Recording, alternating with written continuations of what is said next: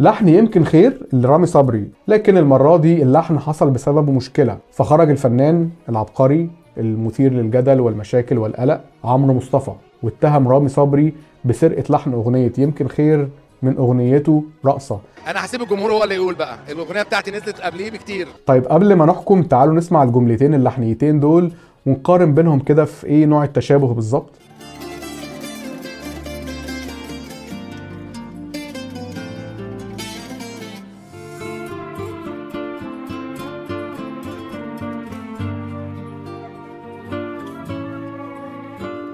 الواضح فعلا وجود تشابه على الأقل في أول ثلاث موازير وفي اختلاف بسيط في المازورة الرابعة اللي هي مازورة الركوز اللي هي أهم مازورة. القانون بيقول السرقة بتتحسب بتطابق أربع موازير وفي بريطانيا القانون بيقول خمس موازير. يعني هنا قانونيا ما نقدرش نقول إن الجملة مسروقة بتطابق 100% بس مفيش شك إنها شبهها قوي يعني.